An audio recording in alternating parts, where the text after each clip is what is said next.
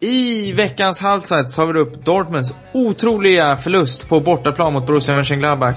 Vi pratar en hel del om FC Nürnbergs motgångar och sparkade tränare. Och vi diskuterar även det tyska landslagets matcher mot Irland och Sverige. Välkomna!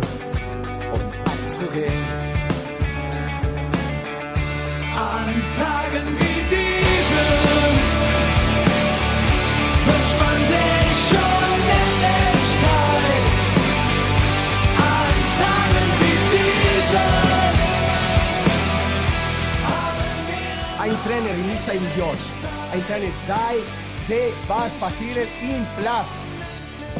Gibt Spieler, die zwei oder drei, diese Spieler waren schwach wie eine Flasche leer. Då säger jag välkommen till veckans halvside. Eh, Först och främst säger vi välkommen till Andreas. Tack, tack. Och så säger vi välkommen till Svenska fans Nürnberg-skribent Viktor Lek. Hej, hej. Tack, tack. Eh, till vardags boende nere i Nürnberg, om jag har förstått rätt. Det stämmer bra det. Vi har bjudit in Viktor idag för att vi kommer att prata en hel del om Nürnberg med tanke på att de har eh, torskat med 5-0 i helgen och har gjort av sig med sin tränare. Båda ni två har haft en ganska tuff helg bakom er, eller hur? Om du eh, syftar på eh, Dortmund så får man väl eh, lugnt eh, konstatera det. Både resultatmässigt och eh, skademässigt. Ja, och i Nürnberg som sagt, eh, nattsvart, eller hur Viktor? Ja, det var ju en eh, riktig katastrofinsats. Ehm, eh, kollaps totalt i andra halvlek. Eh, och tränaren fick gå, så just nu så, så ser det mörkt ut. Helt klart. Vi sätter igång med eh, föregående omgång, den eh, åttonde i ordningen som sattes igång på fredagskvällen då Hannover eh, för första gången den här säsongen tappade poäng på hemmaplan när de mötte Hertha Berlin som kvitterade i slutminuterna genom en fantastisk frispark av brasilianaren Ronny. Eh, på lördagen så tog Schalke tre värdefulla poäng genom en 4-1 vinst mot eh, FC Augsburg. Och sen så kommer vi till den match som Andreas nämnde. Borussia Mönchengladbach mot Borussia Dortmund som slutade otroligt nog 2-0. Andreas, ta oss igenom matchen för den, om man har sett den och har följt den och har läst den i efterhand så har man insett att det här resultatet det är helt otroligt. Ja, alltså kanske inte är lika otroligt som i Leverkusen Bayern München som jag antar att du kommer att prata om sen men eh, nej, Dortmund var ju eh, riktigt, riktigt eh, överlägsna rent eh, spelmässigt matchen igenom men än en gång så kör man eh, fast eh, innan man liksom kommer till de farliga lägena. Och när man väl gjorde det så var eh, Marc-André Terstegen helt eh, eh, fantastisk i mål faktiskt jag tycker man har eh, sett det här några gånger nu de senaste, ja sen säsongen började. Själva prestationen den här matchen var ju betydligt bättre än den i Nürnberg där man också tappade poäng. Så att det var ju, eh, jag tror att eh, Dortmund hade 26 skott på mål och eh, Mönchengladbach 6, eller mot mål rättare sagt. Eh, sen, sen i den, eh, och när det var 10 minuter kvar så eh, visade Mats Hummels den sidan han har förmågan att visa åt sig själv ibland. Eh, inte allt för ofta, men eh, riva ner eh, Nordväg till straffområdet. Solklar straff. Sen är det det där med dubbelbestraffning och rött kort i det där läget. Tyckte väl inte att det var en riktig målchans egentligen så att det skulle bli målchansutvisning men eh, det går inte att gnälla på det utan eh, och sen så när Dortmund går fram och träffar Marco ribban men eh, Mönchengladbach kvitterar, eller kontra in eh, 2-0 genom Rafael. Ja, det är, jag får väl säga eh, av eh, uh, Hummels-situationen där med straffen. Jag tyckte det såg väldigt tveksam ut för jag tyckte inte det såg ut som att, vara, som att det var särskilt bryskt överhuvudtaget. Eh, blev väldigt förvånad att han fick rött faktiskt. Men det är ju den här regeln vi har diskuterat tidigare med frilägesutvisning plus straff. Jag tycker att den ofta, att det är väldigt tufft. Speciellt i den här matchen. Jag vet att eh, Lucien Favre sa ju att han, var, att han tyckte det var otroligt att eh, Borussia Mönchengladbach fortfarande 0-0 eh, in i halvtid. Och det får man väl ändå hålla med om, eh, eller hur? Eh, Det får man absolut göra. Alltså det var ju många, många bra lägen. Ehm, Marco Reus är ju uppe i riktigt bra eh, form just nu. Var väl den som skapade mest framåt. Annars var det han, mest en eh, defensivt eh, stark prestation i 80 minuter egentligen där man byggde upp anfallen därifrån. Hittade inte riktigt Lewandowski och Mkhitaryan och sådär som man gjort tidigare i den här säsongen. Uh, vinsten gör ju att uh, Borussia Mönchengladbach går upp på fjärde plats uh, i tabellen. Uh, kommer vi att se Mönchengladbach där uppe i toppen tror du, Viktor? Ja, jag har blivit rätt imponerad av hur de har spelat hittills. Ehm, så jag tror att de kan hänga sig kvar. Sen är det en fråga hur de, hur de klarar sig under säsongen igenom, speciellt med ett eh, vinteruppehåll där ehm, eventuellt saker kan hända på spelarmarknaden om de ehm, fortfarande lyckas kriga sig kvar på Champions League-plats. Ja, vi eh, har väl alla ändå sett eh, den kvalitet som Mönchengladbach har på högsta nivå. Det verkar som att de har fått ihop det återigen till den här säsongen. Dortmund, eh, som vi nämnde, hade otur och du nämnde Marco Reus som nu är skadad om jag inte har förstått fel, eller hur Andreas? Ja, Marco Reus blev ju uppenbarligen eh, skadad i den här matchen. Eller det är ingen som vet hur han blev skadad för han fullföljde ju matchen och sen har de varit lediga två dagar. Så det är ingen som riktigt kan förstå det. Eh, Sven Bender gick ut eh, efter 70 minuter drygt skadad. Spelar inte landslaget den, den här helgen. Ehm, så att Eh, lång, eh, lång eh, skadelista nu. Jag tror att den är uppe på 11 man faktiskt. Exakt, ska, ska vi dra? Vi hade Bender, vi hade Royce, sen har vi Piszek som är högerback, eller hur? Skadad sen Precis. tidigare. Eh, Nuri Sahin, skadad. Ja. Ilka Gundogan sen tidigare. Det hade dessutom sett ut att vara ännu värre och att han kanske till och med är borta året ut. Exakt, och Marcel Schmelzer är också borta. Eh, Sokratis är borta. Och Jonas Hoffman är de som jag kan sådär på rak arm. Som alla har på ett eller annat sätt varit med i årets startelvor eller som förväntas vara där. Eller sitta på bänken. Det är, det är alltså sju, åtta, kanske nio spelare där. Extremt viktiga. Hur kommer det sig att eh, de är så skadedrabbade Dortmund? Är det, någon som, är det någonting du har läst? Är det någonting du har hört? Nej, det är väl ingenting. Jag tror ju bara att det är en uh, otur och tillfällighet. Men det är klart att det kan handla om dålig fysisk uppladdning men det har ju aldrig varit det förut liksom. Så jag tror inte att det ligger något och eh, skaver där. Men det är ju mycket matcher med tanke på att det är Europaspel och så här jag tror inte att det ligger någon så här speciell anledning liksom. Utan det känns bara som att det är otur att allting sker. Att alla blir skadade samtidigt. Det var ju intressant att sen i nästa omgång där Hummels nu är avstängd också och eh, eh, se om man lyckas få tillbaka några spelare. Ja, mycket intressant att följa och med tanke på att Champions League, eh, en viktig Champions League-match mot Arsenal också stundar. Där man verkligen eh, helst vill ha med sig någon poäng, eller tre så tror jag att det kommer vara viktigt. Men som sagt, eh, en intressant utveckling på matchen mellan Mönchengladbach och Dortmund som slutade 2-0 till slut till hemmalaget Mönchengladbach. Stuttgart eh, var överlägsna mot Werder Bremen på hemmaplan men lyckades inte vinna. Matchen slutade 1-1.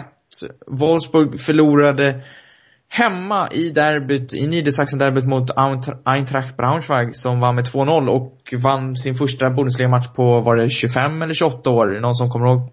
Exakt. Ja, det var ju i alla fall 28 år sedan de var i Bundesliga. Ja, då är det 28 år. Uh, var det någon som såg matchen först och främst?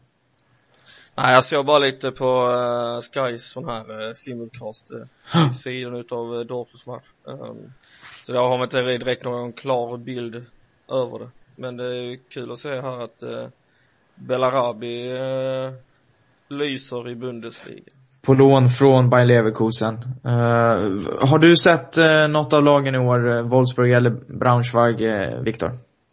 Ja, jag såg när Nürnberg var uppe i Braunschweig um, och det var ju ingenting som imponerade egentligen från något av lagen. Men uh, tyvärr så var ju Braunschweig snäppet bättre där och nu när de har tagit sin första seger, givet tabelläget så det känns inte bra. Nej, exakt. Eh, Braunschweig just nu sist på fyra poäng, men bara en poäng ovan finns Nürnberg som ligger på 16 plats, det vill säga kvalplatsen, på Precis. fem poäng. Uh, nej, de kommer nog uh, sätta igång. Det var ju en vinst som de verkligen behövde. Uh, fansen i Braunschweig stod också för en väldigt fin aktion i veckan när de hade gått ner på en träning och visat all stöttning för tränaren Torsten Liebeknecht och eh, spelarna, vilket säkert gav extra energi till laget att faktiskt stå för en sån fantastisk insats. Jag tror att Wolfsburg faktiskt knappt hade ett enda skott på mål under hela matchen. Och eh, lördagens eh, matcher som startade 15.30 avslutades med Mainz mot Hoffenheim 2-2. Eh, Mainz kvitterade den absoluta slutsekunderna. Målvakten eh, Heinz Müller tror jag var som stod den här gången, eh, 36 år och sånt där. Nickade, var uppe och nickade, men han fick inte stå för målet, men han var delaktig i det. I det kvitterande 2-2. Och sen på kvällen så kom den här matchen som väldigt många sett fram emot, vilket var Bayer Leverkusen mot Bayern München. Slutade 1-1, otroligt nog. Jag vet inte, var ska vi börja? Det var ett Bayern som var totalt överlägsna, eller hur? Uh, jo ja, jo ja, extremt överlägsen. Det är väldigt lik i matchen mellan uh, uh, Dortmund och Mönchengladbach tycker jag. Där det ena laget är helt överlägset och den andra målvakten uh, storspelar. Uh, det här var ju nästan uh, jag vet inte knappt, jag tror, det kändes inte som att Leverkusen fick ha bollen ens en sekund. Jag tror Bayern München låg på nästan 600 fler passningar, eh, 90% i passningsprocent. Vilket är liksom galet. Men sen har man extremt svårt att eh, få in bollen bakom Bernt Leno, som visserligen är ganska formstark. Och sen eh, när man väl lyckas göra mål så slappnar man av och då står eh, Manuel Neuer längst bak och är ganska kall efter att inte behövt göra en enda räddning på hela matchen liksom. Nej, helt klart så. Eh, såg du matchen Viktor? Yes, det gjorde jag.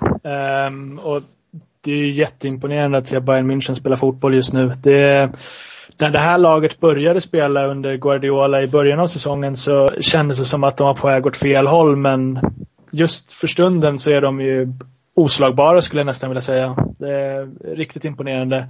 Men eh, som eh, Andreas var inne på lite så är det kanske, om något, effektiviteten när det gäller målskytte. Eh, vi har ju sett att de gör inte lika många mål som förra säsongen och de eh, vill nog gärna ha in Lewandowski rätt snart. Precis, eh, Lewandowski som ryktas skriva på för Bayern troligtvis gör det och det kommer att offentliggöras den 2 januari om jag inte förstått det helt fel. Vad hade de? De hade 78% i bollinnehav tror jag Bayern München i matchen. Det är ändå lag ett just nu på 20 poäng mot eh, trean som är på 19 poäng. Är det ett svaghetstecken att eh, ett lag som eh, Bayer Leverkusen som ska utmana Champions League-titlarna inte kan göra bättre mot ett lag som Bayern München än vad, än vad de gjorde i lördags? Alltså mm, svaghetstecken vet jag väl inte men Bayern München har ju en eh, eh, skulle man jämföra de här två klubbarna på många andra plan så kan man nog förstå det lite enklare. Berätta. Man får, man, får, man, får, man får inte glömma att, eh, nej men jag tänker på ekonom, ekonomin och framförallt liksom och där Bayern München är en gigant. Eh, se, se på spelarmaterialet. Det är liksom inte konstigt att ett sådant lag kan vara så eh, betydligt bättre. Eh, sen så spelar ju trots allt Leverkusen 1-1 och det man undrade inför matchen var ju om de kanske kunde hota Bayern München och Dortmund i år. Eh, Dortmund kan de definitivt hota men jag tror att Bayern München resultatet till trots så eh, är alltså alldeles för bra. Samma tankar hos dig Viktor? Um, ja, uh, det känns som att Bayern München, visst de kommer ju tappa sina poäng de med när de uh, slappnar av eller får väldigt mycket med Champions League-spel. Men uh, de kommer nog att ta hem ligan hyfsat lätt. Sen om det är ett svaghetstecken eller inte, det är såklart att eh, det blir ju inte riktigt samma intresse när det är ett lag som är så pass överlägset. Men om man kollar striderna bakom från plats två till, säg 14 så är det ju ganska öppet ändå. Alla kan slå alla så jag tycker nog att Bundesliga står sig stark och de kommer nog flytta fram positionerna i Europaspelet den här säsongen, i alla fall i Champions League. Så det, det är nog ingenting vi behöver vara oroliga för. Nej. Eh, intressanta tankar. Sagt 1-1 Bayer Leverkusen mot eh, Bayern München på Bayer Arena. Eh, vilket håller verklig spänning ändå uppe i toppen. För att Bayern München är just nu etta på 20 poäng. Men både Dortmund och Leverkusen har 19 poäng. Som är efterföljande på andra och tredje plats. Vi går vidare till söndag. Jag tänker att vi hoppar den första matchen, för vi återkommer till den alldeles strax med Viktor, för det var där Nürnberg var delaktig. Andra matchen slutade S, var mellan SC Freiburg och Eintracht Frankfurt och det slutade 1-1. Freiburg fick en viktig poäng i bottenstriden, är uppe på fyra poäng, 17 plats. Jagar just nu Nürnberg som är på kvalplats eh, på sina fem poäng. Zweite. Sedan så tar vi då den här matchen, Viktor. Var du där, först och främst? Tyvärr så var jag det. Eh, det var ingen höjdare. Nej, Nürnberg-Hamburg slutade alltså 0-5. Bortalaget Hamburg med eh, nya tränaren Bert van eh, Marvik eh, gick och vann ganska rejält, trots att de bara hade 1-0 halvtid. Eh, vad är intrycken? Vad, hur känner du, Viktor, kring det här? Um, ja, det är ju aldrig kul att förlora med 5-0. Um, och speciellt inte på det sättet det skedde där under de sista, efter timmen spelad så var det ju Eh, bara total kris i försvar, uppspel, allting. Ehm, men om man ser på det som den första timmen så då var det ändå två hyfsat jämna lag. Hamburg var ju det bättre laget. Eh, framförallt så försvarade de sig väldigt bra. Eh, Nürnberg försökte att föra spelet. De lyckades bitvis, men så fort de kom närmade sig Eh, det offensiva straffområdet så de hade inte den där sista inläggsbollen, krossen, djupledsbollen. Det blev bara pannkakor av allting. Och eh, jag tror att en av nycklarna sen till varför Hamburg tog över var centrala mittfältet. De vann den kampen helt och hållet. Van der Fart var helt strålande på den offensiva halvan. Och jag tycker att både Badelj och Arslan var, var starka de med. Eh, så det, det, det är tråkigt och sen när man kollar på målen så 1-0 målet, det är väl ett, eh, det är en jättebra prestation utav van der Fart. Skottet är ju kanon. Men samtidigt så får han stå helt ensam i eh, bortre delen av straffområdet och det är det som möjliggör målet. Och det andra målet är ju eh, Pogatet som upphäver en offside. Så att eh, det är individuella misstag, det är dålig kommunikation i försvarslinjen. Jag tror inte riktigt att samma sak hade hänt ifall vi fortfarande haft klar eh, Klose och, och Simons. Och um, sen efter 2-0 målet så, eh, då lossnar allt och rinner det bara iväg. Eh, så det är egentligen ingen större idé att prata om de sista målen. Nej, eh, var Lasogga där gjorde ett hattrick. Samma man som jag för ett par veckor sedan sågade för att jag menade på att en sån spelare lyfter inte ett fotbollslag. Andreas, såg du matchen? Uh, ja, det gjorde jag. Och eh, dina intryck var liknande Viktors, antar jag?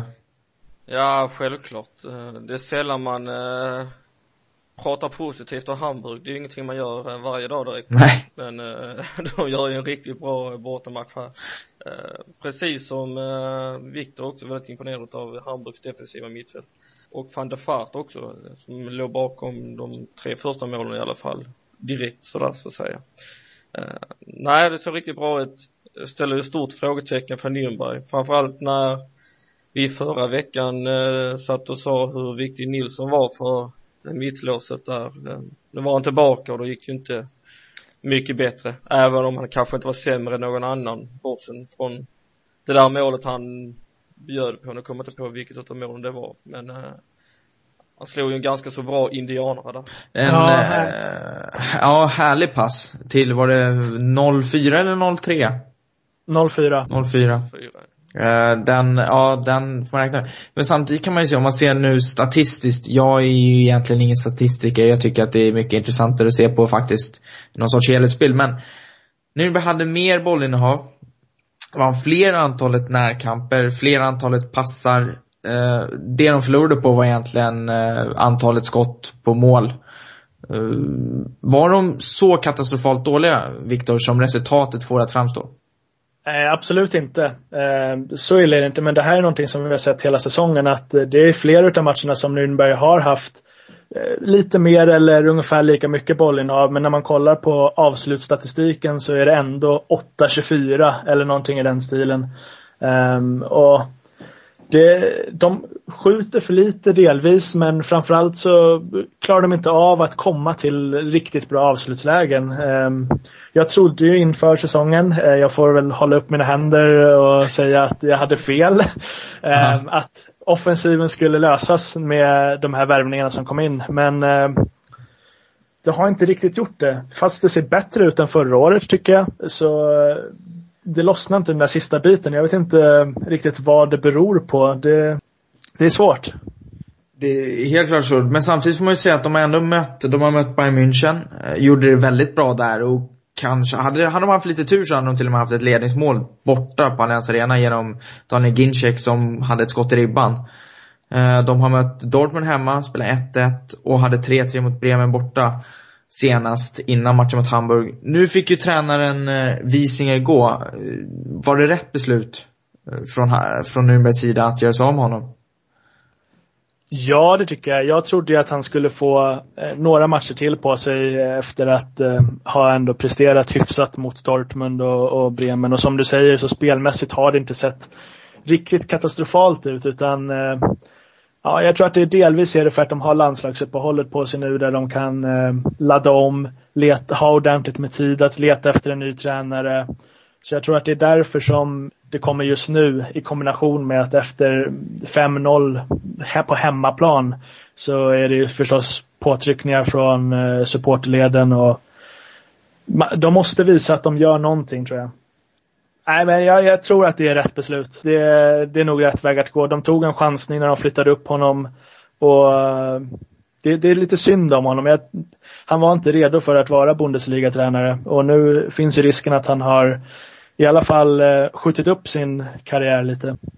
Eh, då ska vi se. De namn som diskuteras nu som ersättare så är det ju Christian Gross eh, som eh, har nämnts, nämndes även i Hamburg-sammanhanget, nämns som den kanske hetaste kandidaten.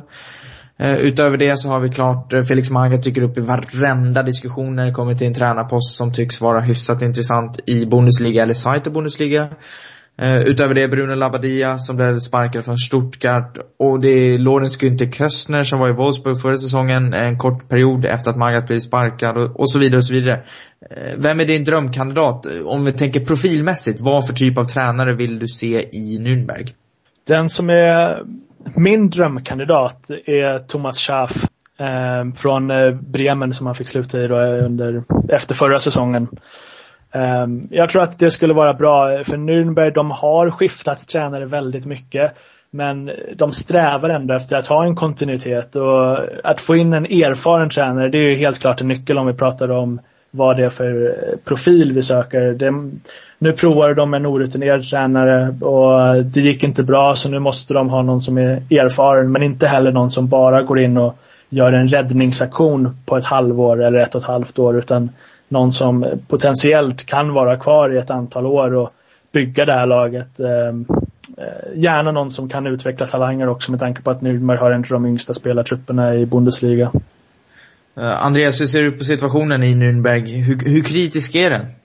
Uh, ja, den är ju kritisk på det sättet att de uh, ja, i allra högsta grad riskerar att åka ur Bundesliga den här säsongen. Uh, jag tror att det viktigaste just nu är att få in något som kan rädda den här säsongen. Kan man då kombinera det med att tänka långsiktigt så är det väl såklart bara positivt. Uh, Thomas Schaaf blev lite överraskad där men visst det, jag tror inte att det kommer att hända men det hade säkert varit ett bra namn. Jag funderade lite över Bruno Labbadia häromdagen men samtidigt så känns Nürnberg som ett ändå rätt så defensivt lagt äh, äh, lag.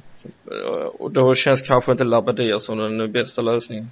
Christian Gross har, sa ju in, innan äh, Hamburg tillsatte äh, Marvik att jag gärna hade sett Christian Gross i Bundesliga igen så att äh, det är väl han som jag äh, tycker har varit kul att se. Sen så är jag nog inte rätt man att avgöra om han är rätt man. Det känns som att man får ofta invänta resultat innan man kan sätta den ja. Jag kan däremot säga att Felix Magath inte är rätt man. Så, så, så, så som jag har förstått det så har Nürnberg, de, just nu så söker man en, en man som är eh, ganska, som tar tag i det, som tar mycket makt och som verkligen visar så här ska vi göra, vilket är en Magat typ. Men jag läste i eh, Spiegel eh, som jag läser ibland för jag tycker de skriver bra om fotboll. Så läste de lite om eh, sportchefen Martin Bader som, som eh, kritiserades också just för att han har ju ändå varit med ganska länge och de har egentligen haft problem med tränare eh, under ganska lång period, förutom Dieter Hecking.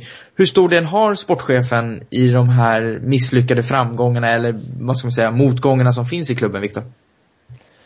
Alltså det är såklart att det alltid går att skylla på sportchefen men i grund och botten har det också att göra med resurser. Om eh, Nürnberg är ett lag som har väldigt små resurser men det, det, finns ju andra lag som har lyckats kan man säga så det går inte att bara skylla på, på ekonomi men eh, om man inte har resurserna så är det svårt att göra ett bra jobb. Eh, och sen så samtidigt så har Nürnberg väldigt krävande supportrar de, eh, fast de inte har varit etablerade, de har ju, de vann en titel i kuppen 2007 men sen dess så var eh, titeln innan på 60-talet så trots det så är supportrarna väldigt krävande och de vill ha framgång nu, nu, nu. Ehm, så det är svårt.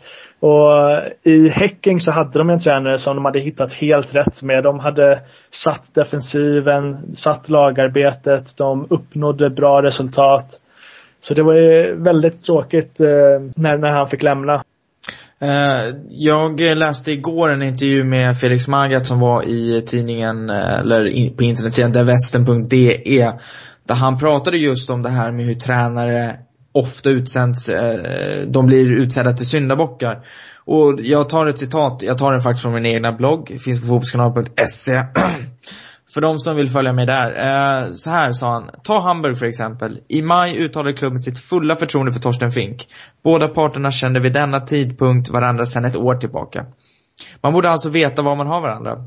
Bara fem omgångar senare var tränaren plötsligt inte tillräckligt bra längre och måste lämna.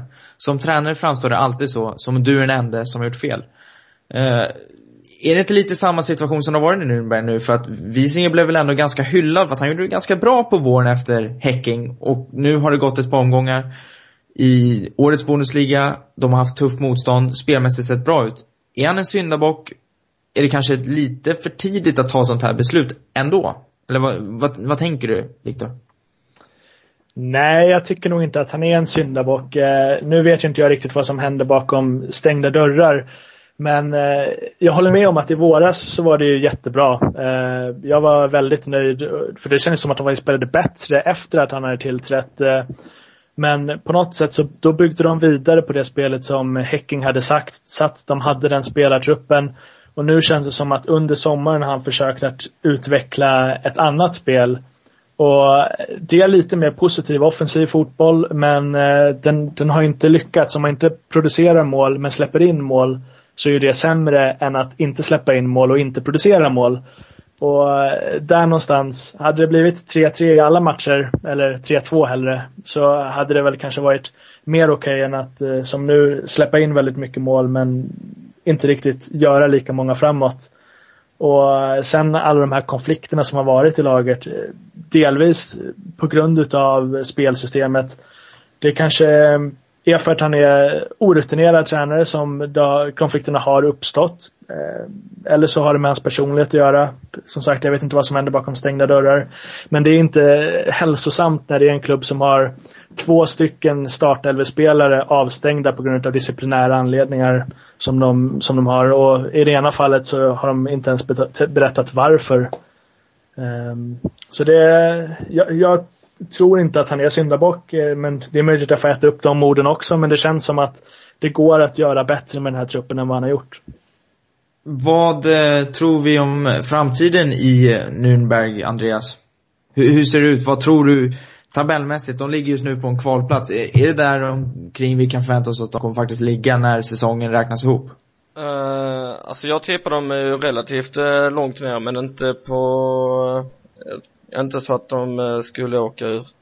Ehm, um, med den här starten så um, det är ju det här att lag som Mainz och Augsburg och Hoffenheim har gått uh, väldigt bra utifrån förutsättningar och får inte säga Hertha Berlin som kanske var det laget som många trodde skulle ligga där Nürnberg ligger nu. Um, jag tror att man lever uh, ganska farligt den här säsongen och att det kommer att bli en kamp ända in i det sista om uh, att undvika nedflyttning och nedflyttningskval tycker ändå att man har eh, materialet för att eh, kunna klara sig, klara sig kvar. Daniel Ginczek kanske eh, kan komma tillbaka och komma igång till exempel. Per Nilsson och Emanuel Pogatets blir lite mer samspelta eller sådär. Men det ska bli intressant att se vilka tränare det blir. Man kanske redan då kan säga om de kommer att klara sig kvar eller inte. Det vet man inte. Och Viktor, hur ser du på Nürnbergs framtid i, i årets Bundesliga? Eh, ja, jag sa ju innan säsongen att jag trodde att de skulle vara med och slåss om Europaspel. Ehm, jag hävdar fortfarande att truppen spelarmässigt, om man kollar spelare för spelare så har de den potentialen. Men nu visar det sig att kollektivet inte riktigt har satt sig och att framförallt att defensiven har varit eh, sämre än förväntat. Eh, så Får, får jag, jag fråga, kommer får jag fråga mitt i, vad, vad, vad, vad är anledningen till att eh, defensiven är sämre i år än vad den har varit till exempel förra säsongen? Är det att Tim Klose och Timothy Simmons har försvunnit? Eller är det så att det, att det, är det handlar om enskilda individer eller om spelmässiga eh, problem? Jag tror det handlar om eh, både individerna och framförallt samspelet mellan dem. Att eh, Klose var väldigt bra. Han var en snabb spelare som kompletterade Pelle Nilsson som är en spelare som läser spelet medan Pogatets inte har, har samma speed i sig så därför så blir det ofta, ofta han, han står lite fel och sen så har han inte snabbheten att eh, rätta till det. Så det känns som att eh, det är mer på Pogatets sida än på Pelle Nilssons sida som det har, har läckt vilket bevisligen då visar på att eh, det, det fungerar sämre än när Klose var där. Och sen så, Simons var ju väldigt underskattad. Han var ju en så kallad järnman, spelade hundra matcher i rad i Nürnberg startelva eller någonting i den stilen. Och eh, det är såklart att om en sån stöttepelare, rutinerad spelare försvinner så det är svårt att täcka upp. Och nu har de eh, dessutom i Visingers nya spelmodell valt att försöka ersätta Simon som var en mer renodlad defensiv spelare med en eh, mer bollskicklig spelare som väljer att gå lite mer offensivt i, i form av Hasebe som jag tror är en jättebra spelare men det förändrar ju samtidigt eh, balansen i laget. Yes. Någonstans ska man ändå påpeka, efter åtta omgångar så är Nürnberg ett av två lag som inte har vunnit eh, en enda match tillsammans med SC Freiburg. Samtidigt så har de bara förlorat tre matcher, så att eh, så extremt mörkt ser det inte ut. Det blir spännande att se var vi hamnar med Nürnberg. Eh, mycket intressant eh, diskussion, får jag ändå säga. Men jag tycker att vi lämnar den där och sen så tar vi vid när, en, när vi har en ny tränare tillsatt.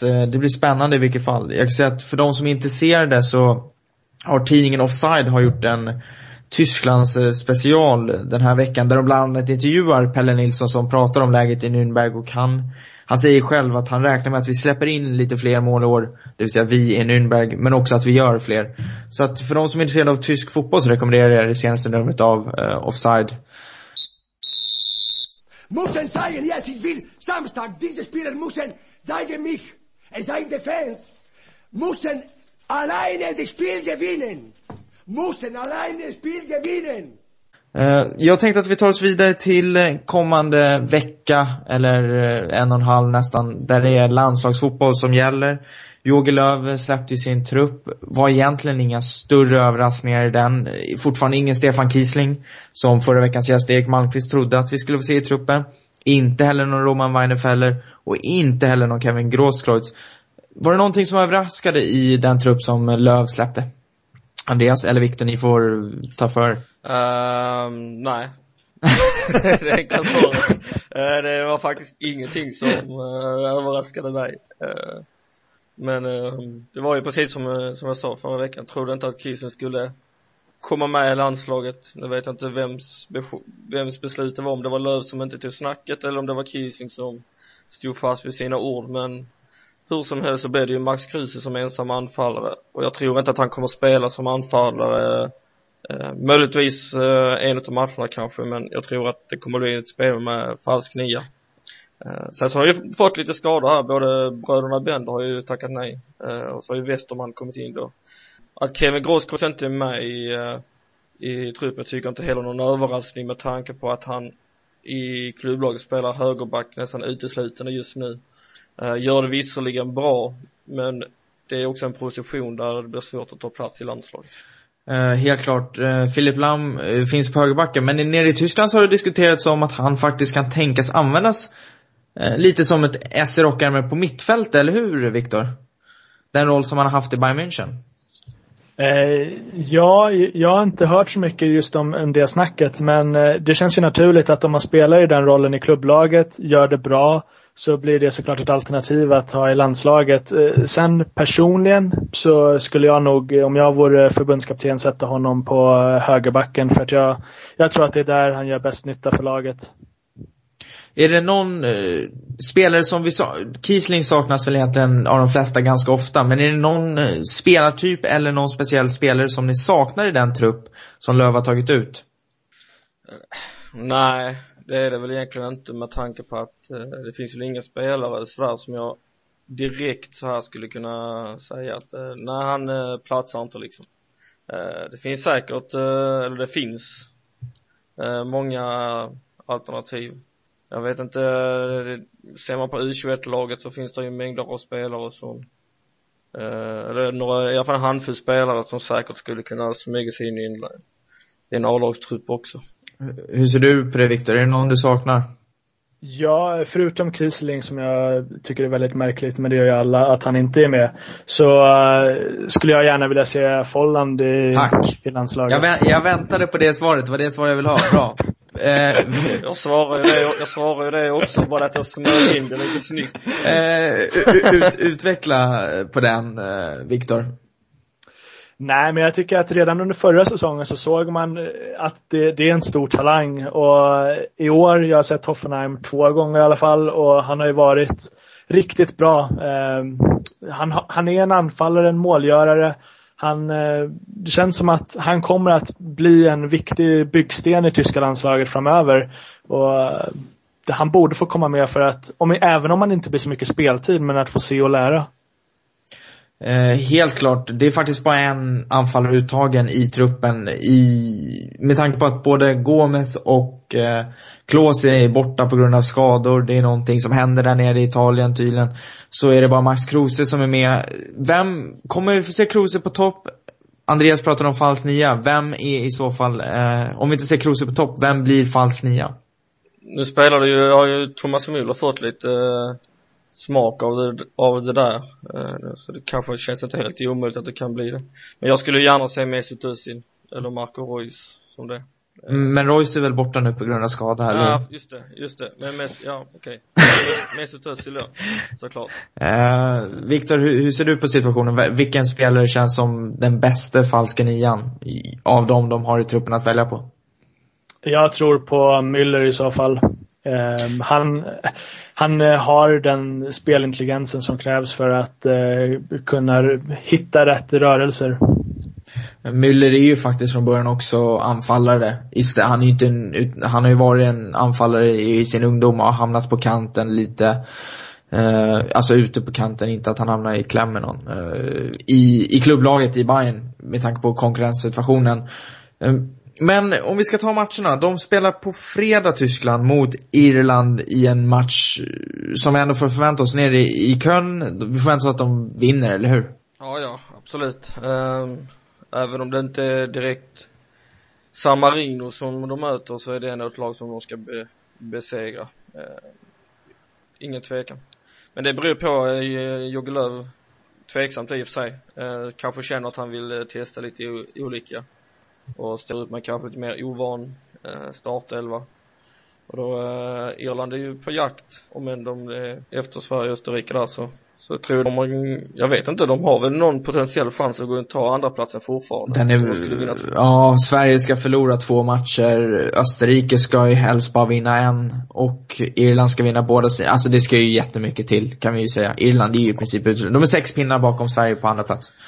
Men nu har de ju, de har gjort av sig med Trapattoni, då kan allt hända. V ja, vem, vem, har de en tränare? Uh, ingen aning. Dålig på irländsk fotboll faktiskt. Uh, jag också. Uh, Viktor, har du, har du koll på läget? Nej, faktiskt inte. Men eh, Trapattoni såg jag någonstans flyga runt som ett tänkbart namn till Nürnberg, men det känns ju som ganska otänkbart. Det, det vore ju underbart. Fan vad bra I, I samma veva diskuterades Gus Hiddink som att han skulle värvas från eh, Ryssland, där han är fortfarande va? Eller? Ja, just det. Jag tror han är det. Eller han tog... Nej, jag vet inte. Han är någonstans. Dålig koll. Jag har sett jättemånga namn med Nürnberg. Jag har sett uh, jätte, jättemånga. Dick Advokat uh, har ju också nämnts, såg jag. Uh, men uh, återgår till uh, Tyskland. Vad, vad tror du Viktor om matchen på fredag mot Irland? Eh, jag skulle nog ändå kunna flagga för att det kan bli ett kryss där. Eh, just för att eh, Tyskland saknar anfallsspets. De kanske även saknar viss motivation. Har haft några skadebortfall. Samtidigt som Irland inte är ett helt lättspelat lag som vi, vi vet med egen svensk erfarenhet. Eh, helt klart. För det skulle i så fall betyda, blir oavgjort så är de i princip klara, ska ju sägas. Eller är det inbördes möten i, i VM-kvalet som man går på istället för målskillnad? Någon som vet? Bra fråga. För, förhoppningsvis, eller förmodligen, så lär det inte bli något, hamna på det läget. Nej. Uh, I EM är det väl, i EM-kvalet är det väl i alla fall inbördes? Jag har dålig koll. För att, skulle det vara så att Tyskland spelar oavgjort och Sverige vinner så är det en högst avgörande match nästa tisdag i eh, Stockholm eh, och på den så hyllade Friends Arena som alla tycker om så jättemycket. Allt från AIK-fans till supportrar på konserter och allt vad det är. Eh, nästa tisdag, Sverige-Tyskland. Har Sverige någonting att sätta emot Tyskland i en sån match om den skulle vara avgörande? Ja, det har de säkert någonting att sätta emot i alla fall. Um, men det är väl tveksamt. Det, de svenska spelarna till Europa, um, framförallt försvarsmässigt, har väl inte varit uh, tipptopp på sistone. Och det kan stå sig ganska dyrt uh, i en match mot uh, Tyskland. Tror inte att man ska hoppas för mycket men Tyskland kanske är klara och har Sverige uh, då istället en uh, chans på andra platsen och bevara den så kommer det vara ett väldigt peppat svenskt lag. Hur ser du på mötet mot Sverige, Viktor? ifall Tyskland behöver vinna matchen så kommer de att vinna matchen. Det är jag rätt övertygad om. Däremot ifall de nu har säkrat gruppsegern, vilket de antagligen har gjort, och samtidigt som Sverige kanske kryssar mot Österrike, då eh, kan det nog bli en oviss utgång för då eh, kanske de kommer laborera lite med olika lösningar eh, samtidigt som Sverige kommer att pressa på men eh, Tyskland är ju ett klart bättre lag än vad Sverige är, speciellt eh, med tanke på, som Andreas var inne på, de svenska spelarnas form för tillfället. Samtidigt som många tyska spelare är i bättre form. Uh, om, om ni får tippa Tysklands eh, två kvarvarande, kvarvarande matcher, det vill säga gentemot Irland och uh, mot uh, Sverige, hur skulle ni tippa dem då? Vi börjar med Andreas. 3-0 och 4-4. ja, just det. Okej. Okay. Uh, intressant. Mycket mål i alla fall. Målgaranti. uh, och Viktor, vad säger du? Uh, jag gör det väldigt lätt för mig och säger 1-1 i båda matcherna. Jaha. Spännande. Förvånande. Uh, själv så skulle jag nog gissa på att uh, jag tror att de Tyskland kommer köra över Irland ganska rejält. Och så kommer man ha, och vinna med kanske, ja 3-0 lät ju jättebra, jag säger 4-1 då. Och sen så tror jag att, eh, mot Sverige så tror jag man kommer prova en del, så jag tror att den kan sluta oavgjort. Eh, säg 2-2. Zlatan kvitterar med en kvart kvar och sånt där, så att eh, det blir mycket skriverier på svensk eh, kvällspress. Eh, är det någonting vi har glömt? Är det någonting ni vill ta upp som vi inte har nämnt, som jag borde eh, nämna? Alltså frågan är väl om Per Nilsson eh, kommer starta, det verkar ju så. Och gör han det här i fredag så får Viktor rätta mig om jag har fel, men eh, Pogatetz är väl uttagen i österrikiska landslaget. Det så då kan det bli en eh, mittbacksfight eh, mellan Nürnbergs två eh, eh, spelare där.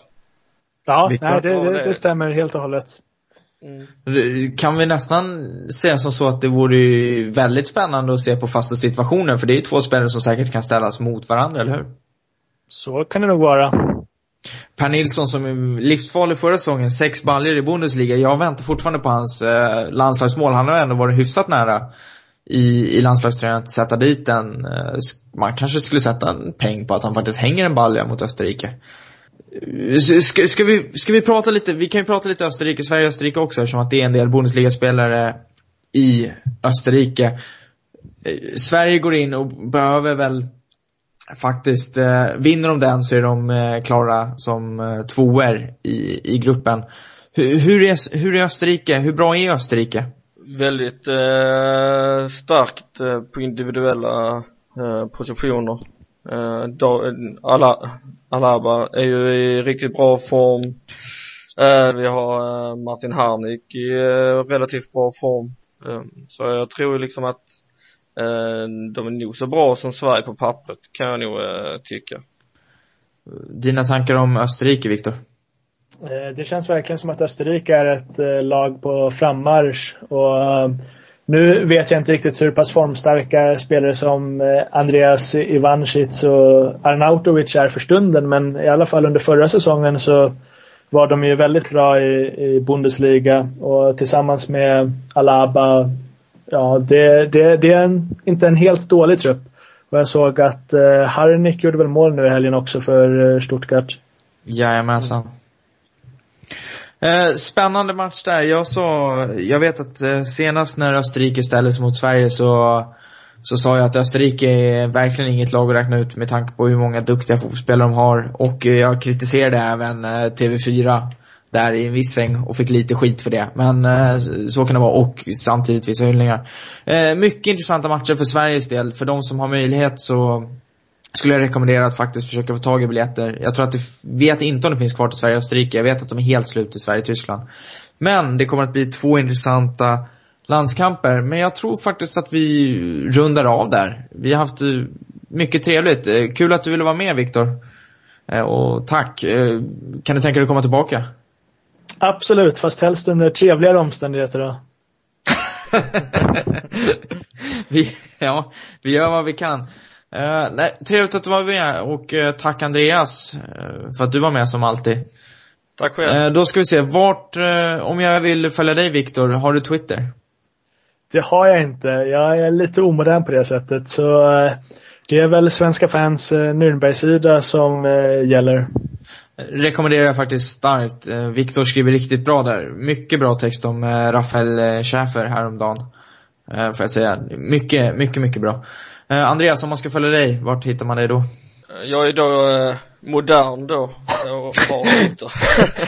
eh, hittar mig på snabel Andy Holm. Och eh, mig hittar man på uh, snabla at eh, ATN, nej, AT Nilsson. Ni får, för sig, det går inget bra det här känner jag. Det, det blev en öl för mycket innan sändningen, eh, tyvärr. Men eh, vi biter ihop ändå. At AT Nilsson på Twitter. Eh, trevligt att få göra den här podcasten fortsatt och eh, vi tackar för oss. Hej! Ha det gott. Hej hej!